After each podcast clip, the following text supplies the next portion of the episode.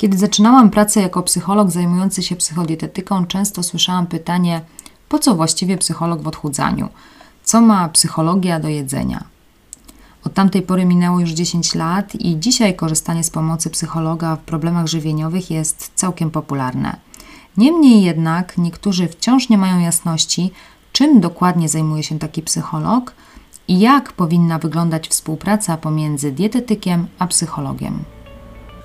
Witaj w serii podcastów Instytutu Psychodietetyki pod tytułem Psychodietetyka dla specjalistów.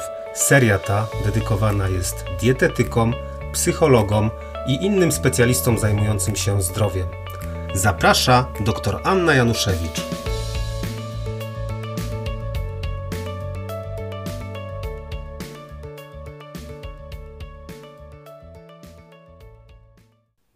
W tym odcinku chciałabym odpowiedzieć na pytanie, kiedy w problemach żywieniowych przydatna jest pomoc psychologa i w jakich sytuacjach oraz w jaki sposób proponować pacjentom skorzystanie z takiej pomocy.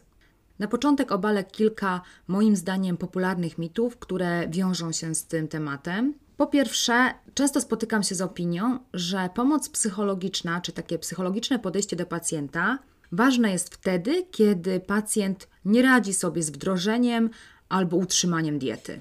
Czyli kiedy do gabinetu dietetyka przychodzi pacjent, który chce zmienić swoje odżywianie, ale nie zgłasza on żadnych problemów z kontrolą jedzenia, to wystarczy przygotować mu dietę, wystarczy dać odpowiednie zalecenia i nie trzeba stosować tak zwanego psychologicznego podejścia. Czasem nawet na szkoleniach dla dietetyków, które prowadzę, słyszę, że ich zdaniem część pacjentów to są tacy pacjenci, cytuję, typowo dietetyczni, którzy nie wymagają stosowania psychologicznej wiedzy. Po prostu przychodzą oni po zalecenia i należy im te zalecenia przekazać. Ja się z tym nie zgadzam, bo zastanówmy się, czy w jakimkolwiek przypadku zmiana sposobu odżywiania może przebiegać w oderwaniu od procesów psychologicznych? Czy są tacy ludzie, którzy nie potrzebują odpowiedniej motywacji do zmiany, odpowiednich strategii, odpowiedniego planu, który będzie dostosowany do ich potrzeb?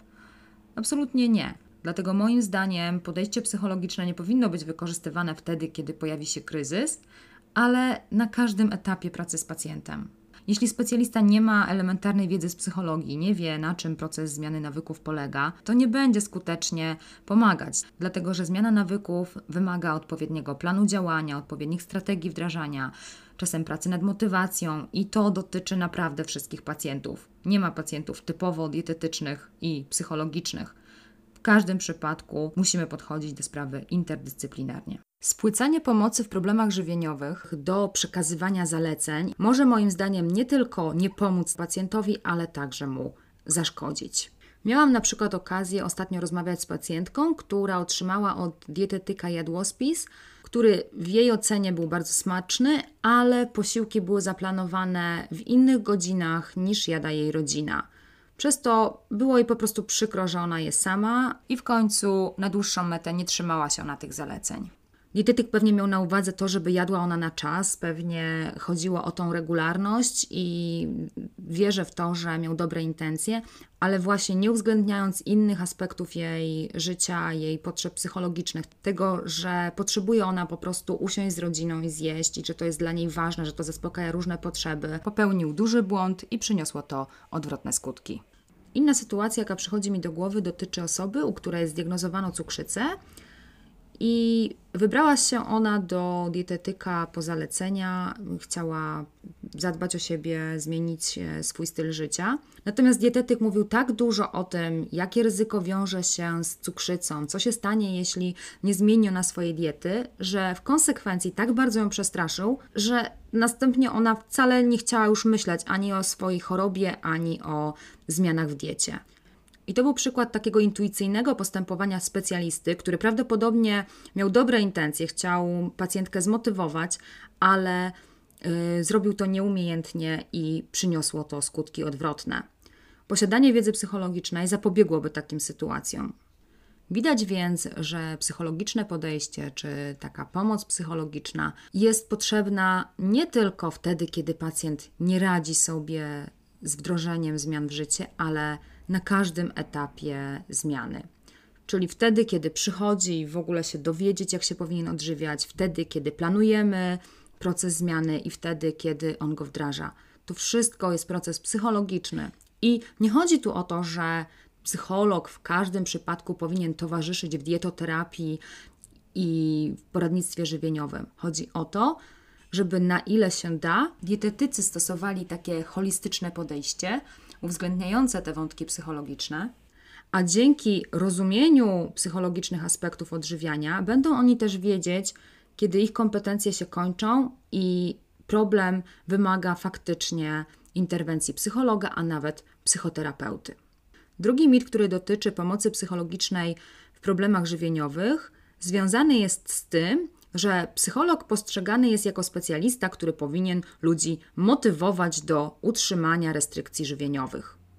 Niestety w wielu poradniach wygląda to tak, że dietetycy formułują jakieś zalecenia, koncentrując się na takim biomedycznym aspekcie odżywiania, mają na uwadze raczej to, jakie są potrzeby fizjologiczne człowieka, jakie są normy żywieniowe i starają się zaplanować najdoskonalszy jadłospis, a psychologowie motywują pacjentów do tego, żeby oni w tych jadłospisach wytrwali. Nie jest to dobry model współpracy, ponieważ, tak jak powiedziałam przed chwilą, uważam, że ta wiedza psychologiczna powinna być wykorzystywana już na etapie formułowania zaleceń. A w tym przypadku podpowiada nam ona, że zalecanie ludziom ścisłych diet to nie jest najlepszy sposób na to, żeby pomóc im żyć zdrowo. Badania naukowe wyraźnie nam pokazują, że sztywne zalecenia żywieniowe, zbyt duże ograniczenia w tym zakresie mogą prowadzić do rozwoju problemów z regulacją odżywiania. Także tutaj dietetyka i psychologia no, nieco inaczej podchodzą do tych problemów. Ja nie chcę powiedzieć, że w dietetyce zaleca się stosowanie bardzo restrykcyjnych, chorych diet, ale już zalecenia ścisłych jadłospisów, gdzie wszystko jest rozpisane, jest całkiem popularne i promowane na uczelniach, które kształcą dietetyków.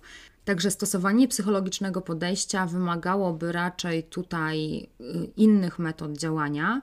I dietetycy oraz psychologowie powinni współpracować ze sobą, aby znaleźć inne, konkretne, ale bardziej elastyczne formy zaleceń, które będą sprzyjać tej tak zwanej zdrowej relacji y, z jedzeniem. Trzeci mit, jaki dotyczy pomocy psychologicznej w problemach żywieniowych, wiąże się z tym, że pomoc taka czasem jest przeceniana, a dokładniej uznawana jest ona często za wystarczającą w tych najbardziej skomplikowanych problemach. Kiedy występują zaburzenia odżywiania, kiedy występują napady objadania, często słyszymy, że to jest sytuacja, która wymaga psychoterapii, która wymaga takich oddziaływań psychologicznych, i niestety często zdarza się, że pomijana jest tu pomoc dietetyka. Zgadzam się z tym, że kiedy występują zaburzenia odżywiania czy jakiekolwiek ich symptomy, takie jak napady objadania, to raczej nie powinno się pomijać pomocy psychologa. Ale to także nie oznacza, że w tych problemach nie jest ważna wiedza żywieniowa, nie jest ważny plan żywieniowy. Kompletnie nie. Pamiętam, jak lata temu, jeszcze jako studentka psychologii, Uczestniczyłam w zlocie anonimowych żarłoków. E, prowadziłam wtedy badania do mojej pracy magisterskiej i potrzebowałam zbadać tę grupę. Słuchałam opowieści osób, które miały bardzo duże problemy z kontrolą odżywiania. Najczęściej występowały u nich silne napady objadania. Czasem, z tego co słyszałam, były to e, również symptomy innych zaburzeń. Natomiast to, co zwróciło moją uwagę, to to, że osoby te nagminnie postrzegały swój problem jako problem czysto psychologiczny. Opowiadały o tym, jak próbują kontrolować się w kwestii diety, jak pilnują planu posiłków, a w pewnym momencie dochodzi do napadów obiadania. Dysponując nawet podstawową wiedzą z dietetyki, można było łatwo zauważyć, że osoby, które opowiadały tam swoje historie, planowały swoje posiłki bez uwzględnienia najbardziej podstawowych zasad żywieniowych. Często były to posiłki słabo zbilansowane, o wysokim indeksie glikemicznym, zbyt niskoenergetyczne. Nie dziwiło mnie to, że pojawiał się u nich nadmierny apetyt i że trudno było im utrzymać kontrolę nad odżywianiem. Zwłaszcza, że były to osoby przekonane o tym, że nie są w stanie się kontrolować i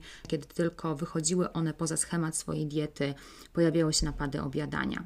Ludzie ci wierzyli w to, że niektóre produkty są dla nich zakazane, że jeśli tylko tkną oni coś słodkiego, to na pewno przytyją, na pewno uruchomi to u nich napad obiadania, czyli w ich świadomości królowało mnóstwo mitów żywieniowych, a ten brak wiedzy na temat racjonalnego odżywiania na pewno utrudniał całą sprawę i być może był jedną z dominujących przyczyn y, napadów obiadania.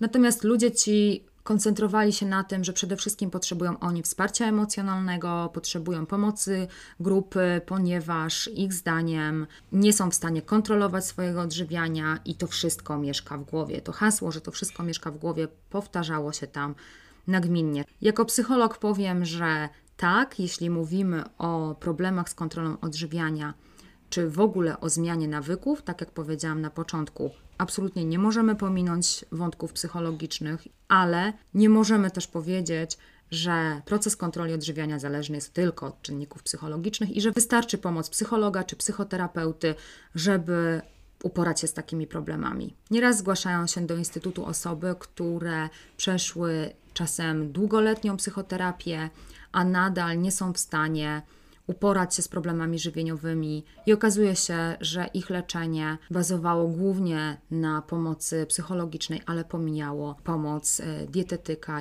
i nikt nie uczył ich, jak odpowiednio planować odżywianie, nikt nie wyleczył ich e, z różnych błędnych przekonań na temat odżywiania, także od tego my zawsze zaczynamy i naprawdę to przynosi dobre efekty. Trzeba więc łączyć pomoc psychologiczną i poradnictwo żywieniowe, natomiast mówienie, że to wszystko mieszka w głowie, że tutaj to potrzebny jest tylko psycholog, no rzadko kiedy faktycznie ma zastosowanie. Także psycholog to nie jest specjalista, który powinien działać solo, nie jest to specjalista, który powinien motywować ludzi do stosowania diet i nie jest to specjalista, który powinien włączać się dopiero wtedy, kiedy pojawi się kryzys. I tyle, jeśli chodzi o takie najbardziej kluczowe założenia dotyczące roli pomocy psychologicznej w problemach żywieniowych. A teraz chciałabym opowiedzieć o sytuacjach, w których nie tyle potrzebne jest wykorzystywanie tak zwanego psychologicznego podejścia, ale konkretnie pomoc psychologa, a nawet psychoterapeuty. Kiedy są takie sytuacje? Na pewno wtedy, kiedy mimo tego, że dietetyk robi dobrą robotę i w pracy z pacjentem wykorzystuje psychologiczne podejście, rozumie on cały proces zmiany i stosuje odpowiednie techniki, to okazuje się niewystarczające. Jednym z takich problemów, który jest trudny do rozwiązania i nawet powiedziałabym, że raczej wymaga pomocy psychoterapeutycznej niż tylko poradnictwa psychologicznego, to sytuacja jedzenia emocjonalnego. Oczywiście tutaj dietetycy mogą pomóc pacjentom poszukiwać różnych metod redukowania napięcia, radzenia sobie ze stresem, które nie będzie rujnowało diety, ale ostatecznie zniwelowanie jedzenia emocjonalnego wcale nie jest takie łatwe. Zależy to od przyczyny problemów emocjonalnych, zależy od ich intensywności. Same racjonalne wskazówki, które często brzmią zjedz marchewkę zamiast czekolady albo pójdź na spacer, naprawdę tutaj niewiele y, dają. Także Tę sprawę oddałabym w ręce y, psychologów czy psychoterapeutów. Drugi przypadek, kiedy rekomendowałabym pomoc psychologa, jest wtedy, kiedy pacjent żyje w takiej sytuacji, w takim kontekście, w takiej rodzinie, która uniemożliwia mu wprowadzenie zmian w życie. Zdarza się, że ludzie mają nadrzędne względem odżywiania problemy, pojawiają się u nich różne kryzysy i trudno wtedy oczekiwać od nich, że będą w stanie pracować nad zmianą nawyków. Tutaj więc także przydatna jest pomoc psychologa, który najpierw pomoże uporządkować te bardziej palące problemy, pomoże odzyskać zasoby, poszukać tych zasobów, poszukać wsparcia, tak żeby pacjent miał siłę wprowadzić zmiany w życie. I trzeci przypadek, kiedy zalecałabym pomoc dietetyka i psychologa, to sytuacja, kiedy jedzenie staje się centrum życia pacjenta, kiedy ma on skłonność do nadmiernych restrykcji, kiedy wkrada się niezdrowy perfekcjonizm, permanentne niezadowolenie z siebie i ze swojego ciała, nieumiejętność takiego zdrowego podejścia do kontroli odżywiania, oscylowanie pomiędzy dietami a przejadaniem się Zdarza się, że dietetycy układają zbilansowane jadłospisy, a tacy pacjenci ze skłonnościami do nadmiernych restrykcji jeszcze sobie obcinają pewne racje pokarmowe, jedzą trochę mniej, chcą być jeszcze doskonalsi i za tym często kryją się różne problemy, które również wymagają pomocy psychologicznej.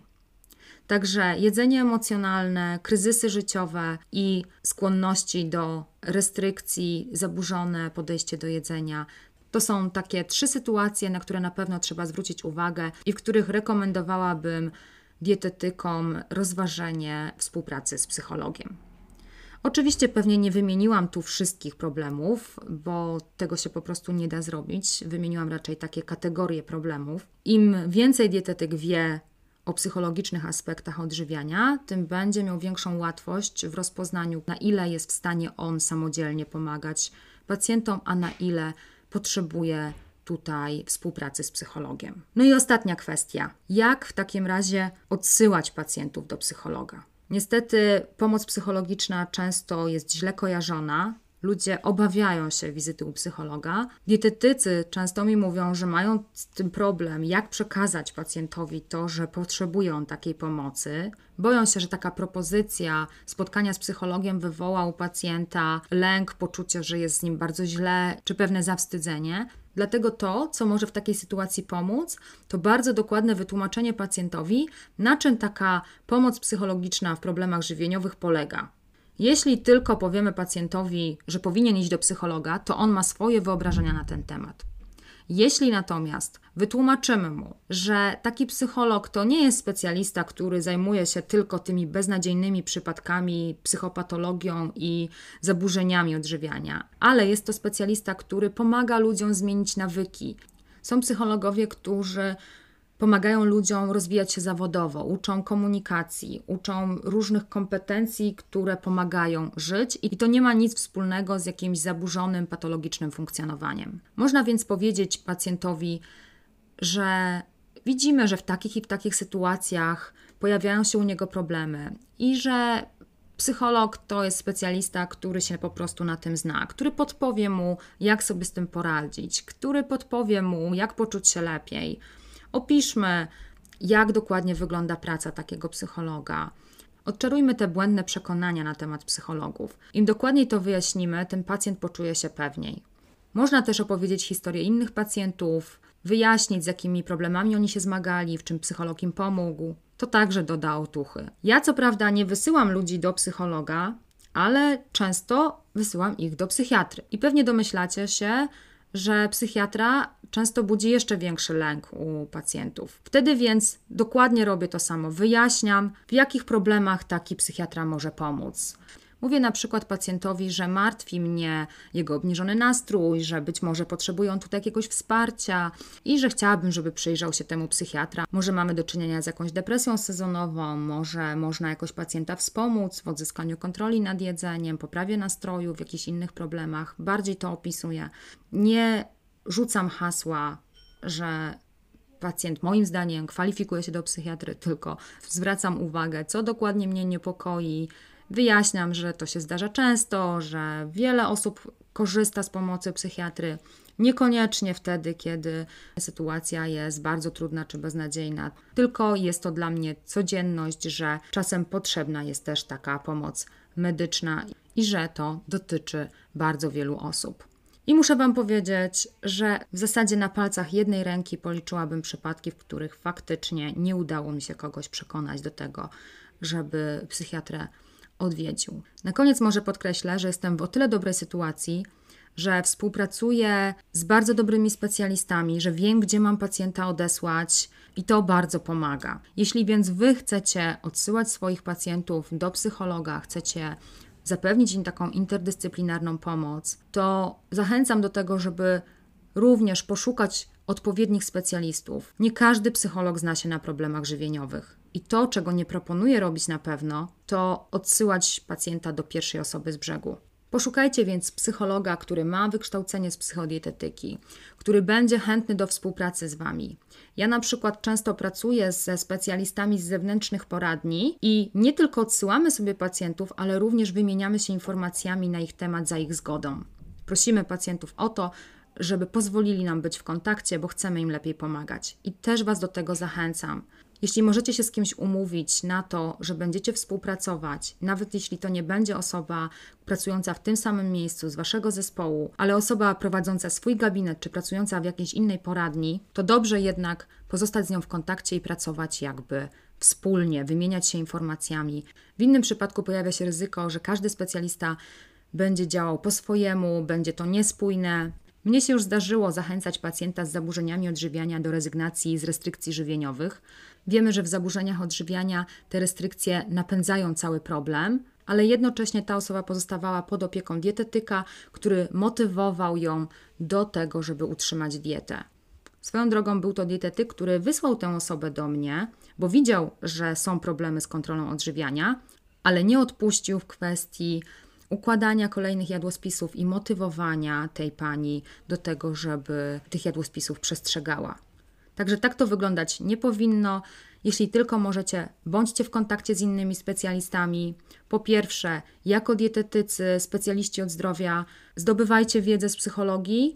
To Wam pomoże na tyle, na ile się da, udzielać takiego wsparcia psychologicznego na bieżąco. Taka wiedza pozwoli Wam też rozpoznać problemy, które wymagają interwencji psychologa czy psychoterapeuty, a następnie pozwoli Wam ona skutecznie pacjenta odesłać do takiego specjalisty, poinformować, co dokładnie będzie się działo, a potem y, odpowiednio współpracować z tym specjalistą. Życzę Wam, żeby proponowane przeze mnie metody i wiedza, którą się dzielę, pozwoliły Wam skutecznie pomagać innym ludziom i pracować w taki sposób, który również Wam przyniesie sporo satysfakcji. Dziękuję za wysłuchanie mojego podcastu. To był podcast przygotowany przez Instytut Psychodietetyki. Mówiła Anna Januszewicz.